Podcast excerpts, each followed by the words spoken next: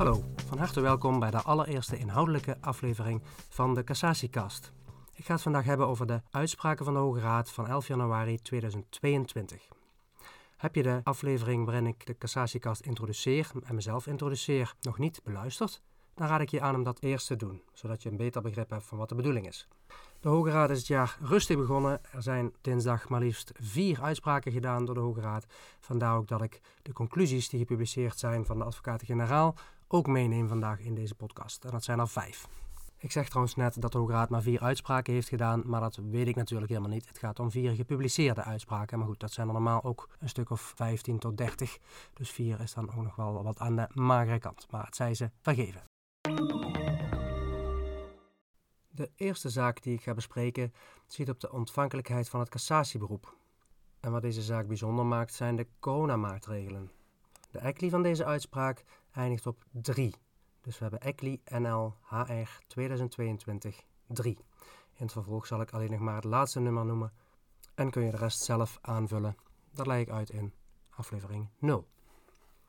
In deze zaak was een medewerker van de Interdepartementale Post- en Couriersdienst, de IPKD, bij de verdachte aan de deur geweest om de appeldagvaarding uit te reiken. Maar vanwege de coronamaatregelen heeft hij de verdachte niet laten tekenen voor ontvangst van die dagvaarding. Wel heeft hij de verdachte ter controle naar zijn naam gevraagd. En vervolgens heeft hij de dagvaarding in de brievenbus bij de woning gedeponeerd. De vraag die in deze zaak nu speelt is of dit als een betekening in persoon moet worden aangemerkt.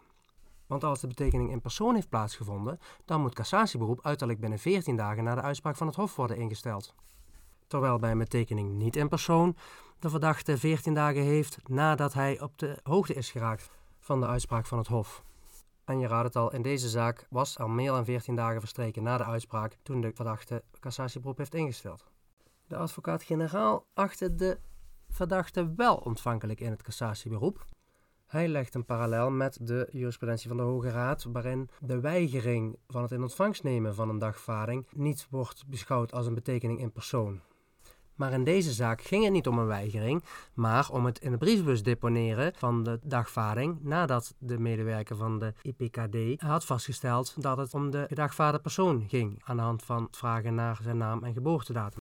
De Hoge Raad gaat niet met de advocaat-generaal mee.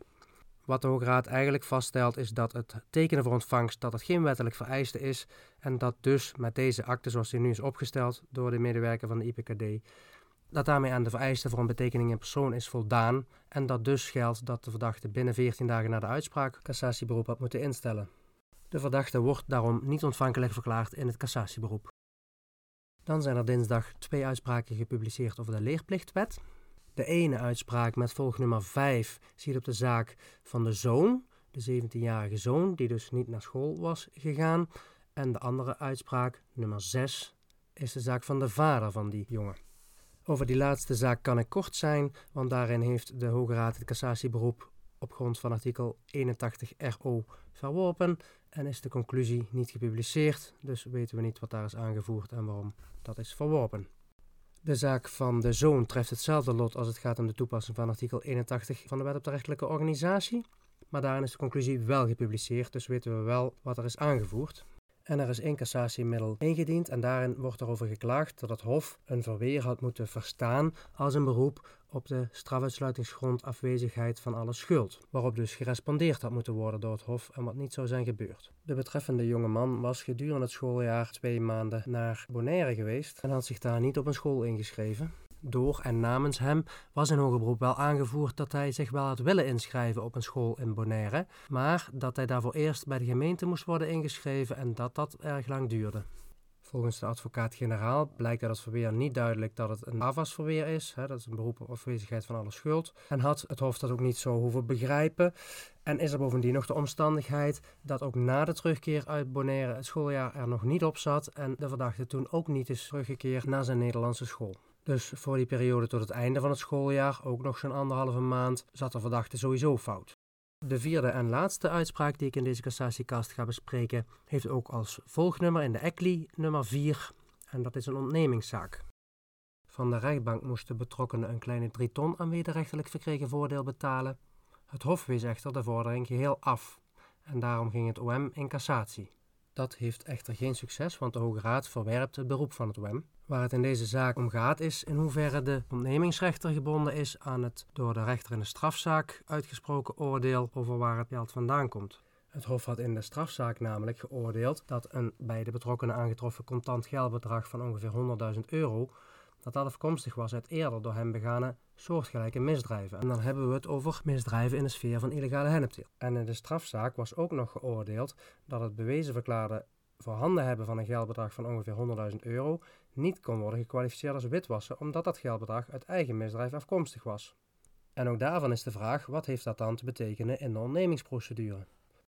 De Hoge Raad vindt dat het aan de ontnemingsrechter is om vast te stellen of zich daadwerkelijk feiten hebben voltrokken waaruit dat voordeel is gegenereerd. En de ontnemingsrechter mocht dus ook in deze zaak afwijken van wat in de hoofdzaak in de strafzaak was beslist.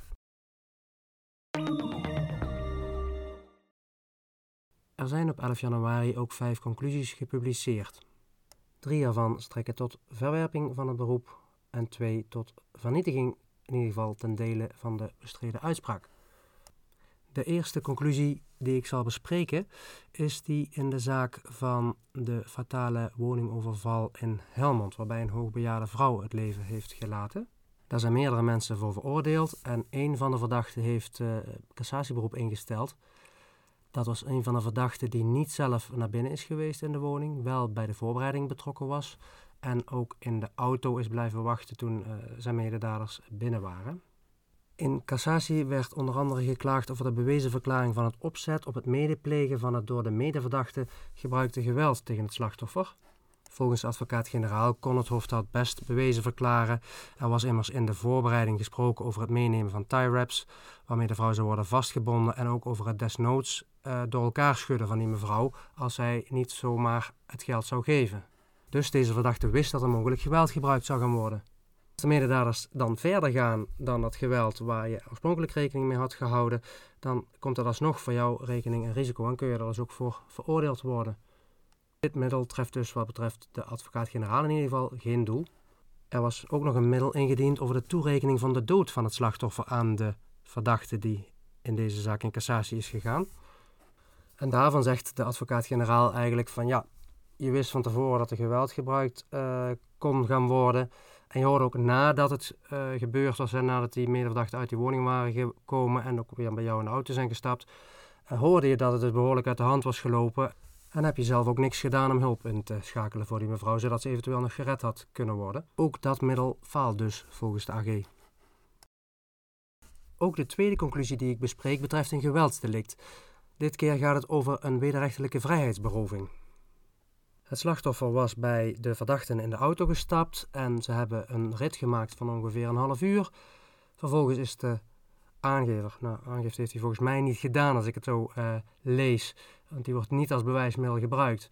Maar in ieder geval uh, werd het slachtoffer uh, de gelegenheid geboden, omdat de auto niet afgesloten was, op enig moment de auto te verlaten. Nou, hij is daar weggerend, heeft van alles nog geroepen, maar hij werd door de verdachte achtervolgd en uiteindelijk zelfs neergeschoten die wederrechtelijke vrijheidsberoving, die zit dus op die autorit. En daarvan was bepleit dat niet is gebleken dat het slachtoffer onvrijwillig is meegegaan in die auto. Kennelijk kon het Hof daarvoor dus niet de verklaring van het slachtoffer gebruiken, dus moest dat op een andere manier geconstrueerd worden. En het Hof heeft dat onder andere gedaan door te zeggen van kijk, die man, dat slachtoffer, had nog wel andere afspraken. Hij zou zijn vrouw en kinderen gaan ophalen bij het vliegveld, had hij met iemand anders afgesproken, allemaal rond dat tijdstip. Dus het is niet aannemelijk dat die man in die auto is gestapt als hij nog andere afspraken had en zou hebben ingestemd met een ritje van een half uur. En volgens de advocaat-generaal mocht het Hof dit in het oordeel uh, betrekken om de verdachte dus schuldig te verklaren aan wederrechtelijke vrijheidsberoving. Ook was er in cassatie nog aangevoerd dat het slachtoffer gewoon uit die auto had kunnen ontsnappen. De auto was immers niet afgesloten. Dus hoe kan iemand dan wederrechtelijk van zijn vrijheid beroofd zijn? Dat verdraagt zich daar slecht mee. Maar de advocaat-generaal wijst erop dat het Hof ook heeft overwogen dat het slachtoffer direct toen hij de auto had verlaten, werd achterna gerend door de verdachte. En dat hij, terwijl hij werd neergeschoten, riep: Doe mij niks, laat mij met rust, ik heb niets gedaan. En ik heb het niet gedaan. Bovendien had het slachtoffer nog tegen de politie gezegd, nadat hij was neergeschoten, dat hij was ontvoerd. Dus al bij al kon volgens de advocaat-generaal het Hof daaruit wel afleiden dat er sprake was geweest van een wederrechtelijke vrijheidsberoving van het slachtoffer. En faalt volgens de advocaat-generaal het middel en moet het cassatieberoep ook worden verworpen. Ik realiseer me ineens dat ik net niet de ECLI heb gegeven bij de woningovervalzaak. Als het gaat om een conclusie moet je in de ECLI de aanduiding HR vervangen door PHR. En dan gaat het in de woningovervalzaak om nummer 12 van 2022. En de zaak van de wederrechtelijke vrijheidsberoving die ik daarna heb besproken, dat is nummer 15. En dan ga ik nu door naar nummer 25. En dat gaat over een zaak waarin de verdachte niet ontvankelijk is verklaard in het hoger beroep. En dat omdat hij geen grieven had opgegeven in de appelschriftuur of later schriftelijk, maar ook niet op de zitting in hoger beroep, want daar was hij niet verschenen, zijn advocaat was daar ook niet verschenen en die had bovendien vooraf kenbaar gemaakt dat hij niet gemachtigd was om de verdediging te voeren ter zitting. Wel had hij naar het Hof in een eerder stadium een stelbrief gestuurd en daarbij had hij ook gezet: cliënt is het niet eens met de strafmaat gezien zijn persoonlijke omstandigheden. En nu werd daarvan in cassatie gemaakt dat dat gezien moest worden als een schriftuurhoudende grieve, zodat de verdachte dus wel zijn grieven kenbaar had gemaakt tegen het vonnis van de rechtbank en hij dus wel ontvankelijk zou moeten worden geacht in het hoger beroep. Maar die stelbrief houdt niet in dat de advocaat ook gevolmachtigd was. Had zijn cliënt hem wel gemachtigd om grieven in te dienen? Volgens de advocaat-generaal is dat de reden waarom de stelbrief niet als een schriftuurhoudende grieve had hoeven worden aangemerkt door het Hof en mocht het Hof dus, wat betreft de advocaat-generaal, de verdachte niet ontvankelijk verklaren in het hoger beroep op grond van artikel 416 lid 2 van het wetboek van strafvordering. Verwerping van het beroep derhalve. In de laatste twee conclusies die ik uh, ga bespreken uh, gaat het om de afwijzing van getuigenverzoeken. En in allebei die zaken komt de advocaat-generaal tot de conclusie dat het cassatieberoep wel gegrond is en dat in ieder geval voor een deel het Hof de zaak opnieuw moet doen. En dan gaat het om de conclusies met de volgnummers 5 en 24. Nummer 5 is een ontnemingszaak. Het ging in die zaak om een bedrag van 748.000 euro volgens het Hof, wat verkregen zou zijn uit hypotheekfraude door een criminele organisatie, waarbij de verdachte, de veroordeelde, leidinggevende zou zijn geweest. De werkwijze was als volgt: met valse documenten werden hypothecaire leningen met bouwdepots verkregen. En die bouwdepots die zouden dan bestemd zijn voor verbouwingen. Maar die verbouwingen die vonden helemaal niet plaats, maar die bouwdepots werden wel leeggetrokken. In de ondernemingszaak in hoger beroep gaf de verdachte aan dat hij ook heel veel kosten had gehad, die de rechtbank nog niet in de beoordeling had meegenomen. Zo zou hij aan verschillende mensen die hem hadden geholpen bij die praktijken geld hebben betaald als vergoeding. Hij had ook zijn advocaat een aantal getuigen laten opgeven die daarover zouden moeten kunnen verklaren. Dus wat de cliënt aan kosten had gemaakt, die dus van het voordeel zouden moeten worden afgetrokken. In het eerste cassatiemiddel werd geklaagd over de afwijzing van 14 getuigen. En dat had het Hof gedaan omdat hun betrokkenheid bij de gang van zaken rond de strafbare feiten onvoldoende onderbouwd zou zijn vanuit de verdediging. Dus maar de vraag was volgens het Hof wat zij aan relevans konden verklaren voor de berekening van het voordeel.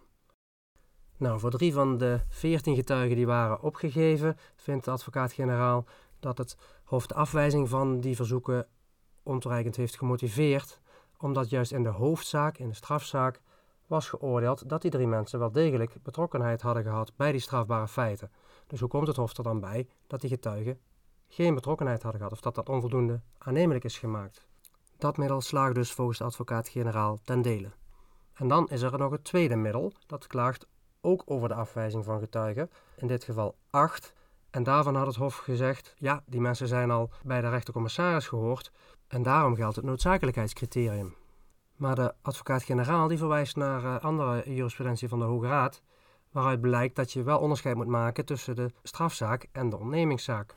En die getuigen zijn dan weliswaar bij de rechtercommissaris gehoord, maar dat gold dus met name in de hoofdzaak, in de strafzaak en niet per definitie ook in de ontnemingszaak. En van die getuigen zijn er een aantal die wel hebben verklaard en zijn bevraagd over dat voordeel wat ze zouden hebben genoten, dus de kosten die de verdachte in deze zaak, de veroordeelde in de ondernemingszaak, zou hebben gemaakt. Maar anderen, die hebben er helemaal niks over verklaard. Dus dan kun je als rechter niet zeggen van nou, je hebt al de kans gehad bij de rechtercommissaris, daar zijn die mensen al verhoord, dat getuigenverzoek wijzen we af. Dus in dit geval zegt de advocaat-generaal wederom: het cassatiemiddel is gegrond als het gaat om die getuigen die dus om deze reden zijn afgewezen. Nou had de cassatieadvocaat nog drie andere middelen ingediend, maar aan de bespreking daarvan komt de advocaat-generaal niet toe. Hij zegt, ja, op grond van de middelen 1 en 2 moet de zaak al over, dus dan ga ik de andere drie middelen niet bespreken. De laatste conclusie van 11 januari die ik bespreek is als gezegd nummer 24. En die zaak gaat over de voorbereidingshandelingen van een cocaïnetransport van maar liefst 287 kilo van Suriname naar Afrika. En ook gewoon te witwassen, dat komt dadelijk ook nog aan bod. Maar het eerste middel ging over de afwijzing van het verzoek om een zestal getuigen te horen. En die getuigen die bevonden zich respectievelijk in Zuid-Afrika en in de Verenigde Arabische Emiraten. Het hoge beroep in deze zaak had enkele jaren geduurd en het Hof had in de einduitspraak de getuigenverzoeken alsnog afgewezen, waar ze eerder wel werden toegewezen op de regiezitting. En daarvoor gebruikte het Hof als reden dat niet aannemelijk was dat binnen een aanvaardbare termijn die getuigen zouden kunnen worden gehoord. De verdediging vond dat niet begrijpelijk, de manier waarop die getuigenverzoeken alsnog werden afgewezen, en de advocaat-generaal is het daarmee eens. Zowel met de autoriteiten in Zuid-Afrika als die in de Verenigde Arabische Emiraten, Dubai, was eh, immers gecorrespondeerd over die getuigen. En daaruit was uiteindelijk uh, niks gekomen, maar het was een vrij stroperige communicatie geweest tussen de autoriteiten van de betreffende landen. Maar uiteindelijk werd er niet duidelijk dat die getuigen nou echt niet gehoord konden worden. En van een aantal getuigen bleek juist wel dat ze getraceerd zouden kunnen worden. Eén daarvan was juist een chef van een politieteam, van het politieonderzoek in Zuid-Afrika, die men wilde horen en die dus wel degelijk getraceerd zou moeten kunnen worden. Alleen was het er uiteindelijk niet van gekomen. Maar waarom wordt eigenlijk in deze zaak niet heel erg duidelijk. En daarom zegt de, advocaat-generaal, ja, je moet er wel hoge eisen aan stellen aan de verwerping van die getuigenverzoeken, want het zijn belangrijke getuigen. In eerste instantie had het Hof ze ook toegewezen. Dus dan moet ook wel min of meer vaststaan dat die getuigen niet gehoord zullen gaan worden. En dat was dus in dit geval nog niet voldoende gebleken. Dus als het aan de advocaat-generaal ligt, dan mag dat nog een keer opnieuw gedaan worden door het Hof. Dat was het dan voor deze week. De Cassatiekast, aflevering 1, de allereerste inhoudelijke aflevering. Graag tot volgende week voor aflevering 2. Voor nu hartelijk dank voor het luisteren.